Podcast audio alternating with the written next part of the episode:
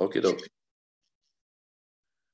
Da er det en glede å ønske velkommen ukens Lørdagsgjest. Det er ingen ringere enn Stig Atlo. Og grunnen til at du er invitert i dag, Stig, det er jo fordi at det er 40 år siden, mer eller mindre en dag eller to, siden den mest spennende havseilerprosjekt før Knut Frostad, kan man si. Um, Berge Viking i Whitbread Round the World Race. Uh, hva sier du? Ja, det er korrekt. Det er korrekt. Og du var en veldig sentral person i det. Peder Lunde var den kjente seileren, men du var en veldig viktig brikke i uh, dette prosjektet. Og fortell meg litt uh, um, hvordan, hvordan, kom du inn i dette? For det var jo deg som egentlig kom med prosjektet til Peder. Ja da, det, det, det stemmer. Nei, jeg var jo veldig interessert i og, og hele dette Whitbread-prosjektet fra 73-74 første gangen, så leste jeg om det, men det fikk jo ingen oppmerksomhet i Norge.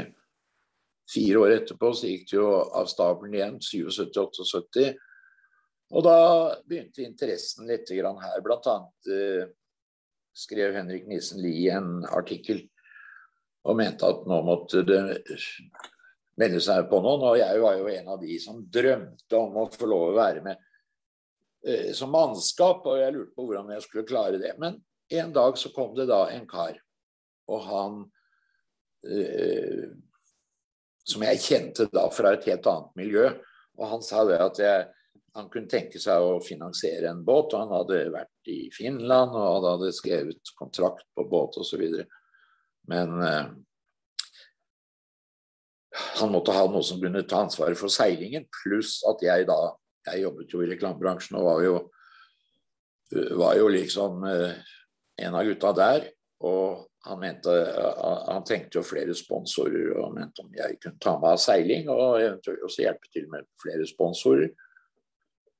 Og det første som slo meg da, selvfølgelig, det var at uh, jeg, må, jeg, måtte jo ha med meg noen som var mer kjente seilere enn meg, og som kanskje ville ha litt mer tillit og sponsor for eventuelt å prøve å gjøre det bra der. Og da gikk jeg til Peder. Så, så, enkelt, så enkelt er det, egentlig. Ja. Uh, og det skriver vi litt om i en artikkel som kommer i Seilmagasinet nå i septembernummeret. Så Vi skal ja. ikke foregripe begivenhetene der så veldig mye. Men det jeg har lyst til å snakke med deg om, Stig, det er fra å være et relativt ubeskrevet blad i norsk seilsport, så ble det plutselig en veldig sentral person. Så si litt ja. om hva Hvitbred-prosjektet gjorde med deg som seiler, men også som menneske. Hvordan endret det livet ditt? For det gjorde det jo for alle som var med på det. Ja, ja det er klart at det er en sentral Det er, står jo sentralt i, i, i mitt liv. Jeg, jeg har jo seilt jeg fikk jo min første kragertern da jeg var ti år gammel. Og, og seilt har jeg jo alltid gjort, og hele seilsporten var jo ganske annerledes organisert eh, den gangen. Og det var mer skoleseilasen og i Oslo og sånt noe, men det var liksom Og KNS var jo liksom moderklubben, da, i, i, i seiling. Så, så det har vært veldig veldig store endringer. Og, og etter dette med Berge Viking, så er det klart at da var det flere som visste hvem jeg var. Og Peder og jeg vi var jo enige om helt klart at Peder, når Peder er om bord, så er det han som var sjefen. Ellers så seilte vi jo ganske mye før uh, starten i Hvitbred. Og jeg seilte f.eks. Fastnet Race uten Peder, og vi seilte jo noen litt hist og pist, da. Så, så vi, vi, vi, seilte begge to, men Peder var helt klart Han satte det som betingelse at han skulle være sjefen.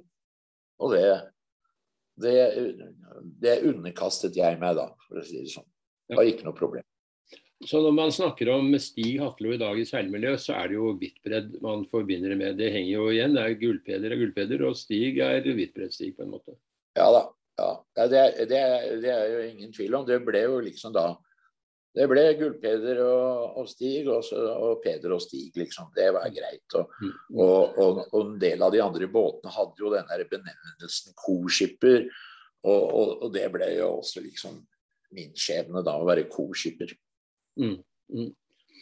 Hvis du ser tilbake på, på selve regattaen, eh, og en, er mer opptatt av de menneskelige sidene ved dette enn sportslige, for de er jo vel beskrevet. og Dere gjorde jo en bra figur sportslig, til tross for at eh, båten vel neppe var optimal for den type salat som dere skulle gjøre. Men, men, si litt om de det menneskelige sider. Hvilke vennskap følte du at du fikk knyttet underveis? Hva betydde det for deg? Du og Peder har jo vært gode venner uh, ever since. Og, og... Ja, ja, da, men som du selv har uh, skrevet og poengtert, så var jo kan du si vi litt Vi var jo litt, uh, litt forskjellige. Altså, jeg var jo, kan du si Jeg vet ikke om utadvendt er riktig, men jeg var jo litt mer av den slentrende typen, for å si det sånn, enn en, enn Peder. Og, og, og, Peder var liksom en sånn slags eh, lord Baden-Powell, og jeg var ja, om bord sånn, så var jeg mer sånn sosialminister. Mm. Og, og eh, ja, en sånn reservefar for flere av gutta. Mm. Og det er klart, vi jobbet jo med Willy Railo, og, og, det, og det var jo veldig eh, mye snakk om dette med hvordan vi tolv mann skal klare å, bo, å, leve sammen og bo så tett osv. osv.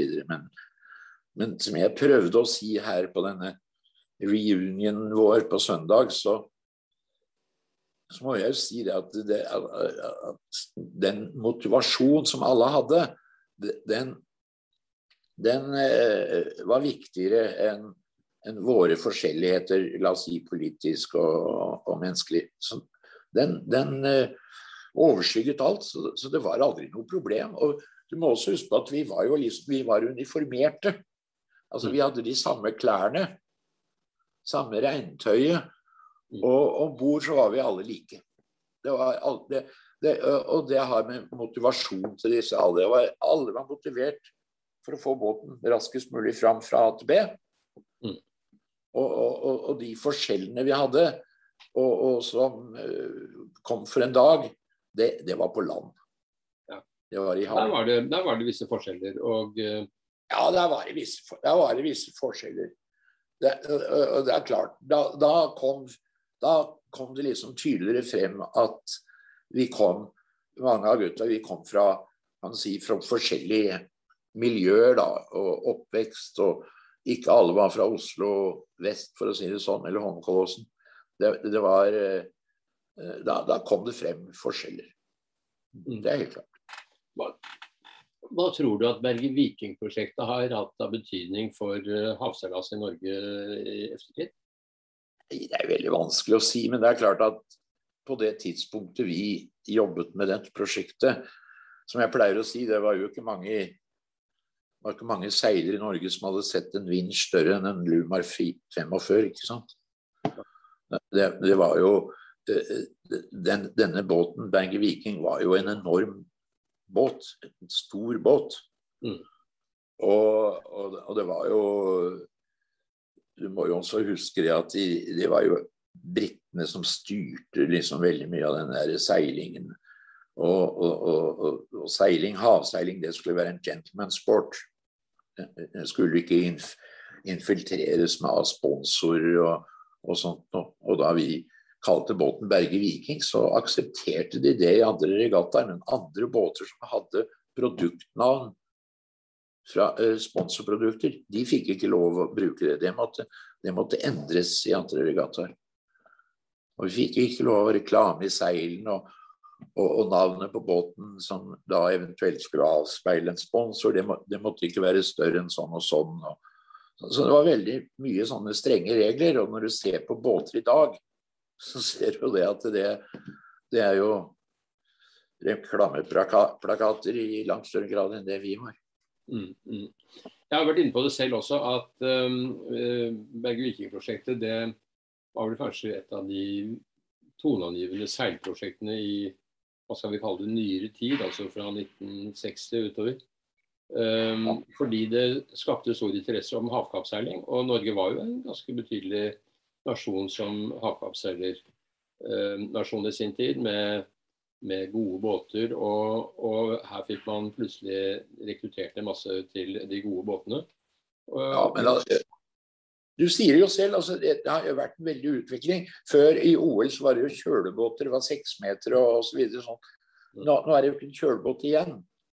Nei, Nei da, Havseilas er jo helt også en helt annen sport enn det det var da dere, da dere seilte. Men det er, det er, jo ikke poenget. Poenget var at i deres tid så rekrutterte dere mange folk til, til havseilasmiljøet. Og det er ganske interessant å se at noen av dem står jo den dag i dag veldig sentralt i norsk havseilersport. Kan jo nevne Kjell Landmark med sin båt. Eh, Kjell Arne Myran som er eh, båtsjef hos kongen. Erik Otterstad som var på den festen, som jo var en av de sentrale da man mobiliserte for halvtonn-VM på Hankø 1983, hvor det var masse båter og stor interesse. Um, så, så, mye av dette kom jo på en måte i kjølvannet av Berge Viking-prosjektet. Uh, og uh, det er i hvert fall mitt inntrykk at det skaptes veldig stor interesse for havseiling etter. Ja, ja, det, er jo ikke no, det er ikke noen tvil om det. Og du, og du vet, Nor vi, eh, Norge hadde jo stilt laget i Admiral Cup. Admirals Cup uh, bl.a. med Lisov Hanke og, og, og, og ja, Gert Wilhelmsen og det her. De, var jo, de klarte å stille lag der. Og, og, det er klart, Jeg husker veldig godt det var jo liksom nærmest irriterende at et østblokkland som Polen stilte jo med mer racingbåter enn en, bedre enn en, en Norge. Og, det var jo, og de var jo eid av sånne LO-organisasjoner og sånt nå. Mm. I, i, i, Polen. Så, så var jo liksom, det, var jo veldig spesielt. Og du vet, en av forskjellene som jeg pleier å si også, de gutta som seiler i, i Ocean Race nå, de, de, de, går jo på jobben. De er på jobben. De er på jobben. Vi, vi, vet du, da vi jobbet med Berge Viking-prosjektet, så, var jo, så ble jo det heldags, det var jo heldagsjobb i nesten, nesten to år for Peder og jeg. Mm. Vi hadde, jo familie, vi hadde jo kone og barn. Så, så vi, vi, var jo på, eh, liksom på lønningslista uten at, uten at, det var noen sånne svære greier. Men vi klarte å holde uh, liksom familiene gående på forskjellig vis. Mm. Og, med, og, med, velvilje fra både hist og pist. Og vi fikk med Yngve, og han hadde, var jo gift og fikk barn. Og han, fikk vi, han ville vi gjerne ha som uh, navigatør, og han fikk vi jo med, med, litt velvilje fra Bergesen, så fikk vi jo flytta han over på, på lønningslista til Bergesen. Mm. Ikke sant? Mm. Altså, altså, det var en hel del sånne rariteter. Og han han ble jo på lønningslista til Bergesen da han ble pensjonist. Han. Ja, nettopp. Men du sier når du ser tilbake, altså det er 40 år siden starten, øh, øh, du har seilt en god del siden det. Hva, hva seiler du i dag? Hvor, hvor, hvor... Nei, nå jeg har jo hatt en båt, den har jeg hatt liggende i Karibien, og jeg har jo uh, seilt mye der nede og leid båt og videre. Og, og og jeg har jo vært der nede både én og to og tre ganger hver vinter siden 1980. Og vi var jo der første gang med Berge Viking i, i 80-81. Nei, åssen blir det her? Jo. Jo da. Og, og jeg har jo vært flere ganger i 80-årene, og jeg har vært i 90-årene. Og fra år 2000 så har jeg vært hvert eneste år flere ganger i året. Og jeg har hatt båt liggende på St. Lucia. Og den har jeg solgt igjen. Så om somrene her så har vi Eva og jeg vi har leid båt. Det er deilig. Leid båt i 14 dager eller tre uker, og så bare levert den og betalt, og så er du ferdig med det. Det har jo vært eh, veldig ålreit. Og vi har leid båter i La oss si sånn fra 42, mellom 42 og 50 fot. Hver, hver sommer. Og seilt med barna og barnebarn. Og... Men det var turseiling. Eh, regattaseiling på havet, det sluttet du med grunnen stort sett etter at Berge Viking Ja, nei, jeg seilte, jo, jeg seilte jo i noen år med Finn Ferner. Ja. Men jeg følte liksom at på mange måter var han kan si, en slags læremester når det gjaldt havkampseiling. Og, og, og, han var jo da en ja, kan si, han, De seilte med lave skuldre da, i skarv. Og, og, og, Finn var en utrolig flott fyr som jeg satte veldig stor pris på. Og vi vant, stort sett. Vi vant Score Race, og vi vant Hollenderseilaser og Skagerrak og Morild og alt det her. Som du sikkert uh, husker. Og han fikk meg med i havseilerklubben. Og det var vel allerede Det var ganske raskt, flere år før Berge Viking. Og der ble jeg jo kjent med alle disse her gamle kan du si, koryfeene, da. Men, liksom, da ja, vi hadde jo møtene på møtene på uh, Continental. Og der var jo Cecil Stefansen, og det var jo Odd Pram, og det var Brun Li og ja, du, Kaspar Brochmann, ikke minst. Og Kaspar Brochmann, ikke minst. Og det var jeg også det vil jeg også si bare som en sånn digresjon, at det var jo litt morsomt med, med Det var jo klart at vi måtte skrive bok. Det hadde jo det måtte skrives en bok om, om Hvitbredt. Og, og Cappelen de meldte seg. Og, og, men de sa jo det at uh, hvis, denne boken skal vi utgi. Og vi kommer til å bruke firefarvers bilder i boka. Men den må komme med en eneste gang dere kommer i mål. Og, og vi lager et opplag på 2000, og vi vi regner, regner, vi med at vi skal kunne selge 1000 med en gang, og så må vi selge 1000 på mammutsalg. For de første 1000 som vi får solgt til vanlig pris, det, de skal, det, det, er jo bare menigheten, og den er jo ikke så stor, eh, sa han redaktøren. Og, så den boken må skrives av andre enn deg og Peder. Ja, ja. Og så ble det Kaspar Brochmann. Og, og, og Cappelen sa jo også at vi, vi vil liksom ha sponsorstatus fordi at vi kommer til å bruke mer penger enn vi tjener på det her. Og Kasper skrev jo den boka og kom med på den siste toppen. Det ordnet vi da vi var i Cape Town. For der her måtte én ut til fordel for Kaspar, og det fikk vi aksept for. Altså mannskapet jeg husker tok opp det. Og så ordnet det seg med Kaspar, og boka kom. Og den måtte trykkes opp i nyopplag. Mm. Mm. Så, så, jeg tror Cappelen tjente på den boka. Mm. Du, du, er aktiv i Havseierklubben og du følger med på det som skjer i offshoreseiling i dag også. Hvordan, hvordan ser du liksom, tendensen? Er det Ocean Race, eller Ocean Race som det heter, som er efterfølgeren. og Van de Globe og den type seilaser som er veldig ja. ekstreme. Eh, og double-handed offshore er på vei inn. Eh, hvilke tanker gjør du deg om det? Jo, jeg, jeg syns det er spennende, og jeg følger etter evne med, for å si det sånn. Og jeg syns det er eh, mye interessant, mye interessant som skjer. Men det er jo helt klart, bare som, som illustrerer det med en historie ved Han derre Conny Richardson. Altså, ikke sant, når vi hadde seilt nede i Southern Ocean i svær sjø og, og, klarte å logge 25 knop på Berge Viking, så sier jo det litt om, om forhold. Og, og husker Conny Ritscholten sa det at et bilde av en båt nede i Southern Ocean som surfer i 25-30 knop, det bildet kommer til å bli verdt millioner, husker jeg han sa. Og, og, og nå, nå, er, nå, er, jo droner om bord, og de bildene de kryr jo. Mm båter som surfer av gårde i 30-35 knop. Mm. Det er jo ikke noe problem. Så, så ting har forandret seg ganske kraftig, altså. Mm. Til denne jubileumsfesten da, som det var på Dronningen søndag 29., var jo de aller fleste av seilerne med, og noen andre støttespillere. Men særlig seilerne de, de roste jo prosjektet i høye toner og ga uttrykk for hvor viktig de hadde vært for dem som mennesker. At hadde ikke eh, endret holdning de hadde fått til mange ting, og hvor viktig det var.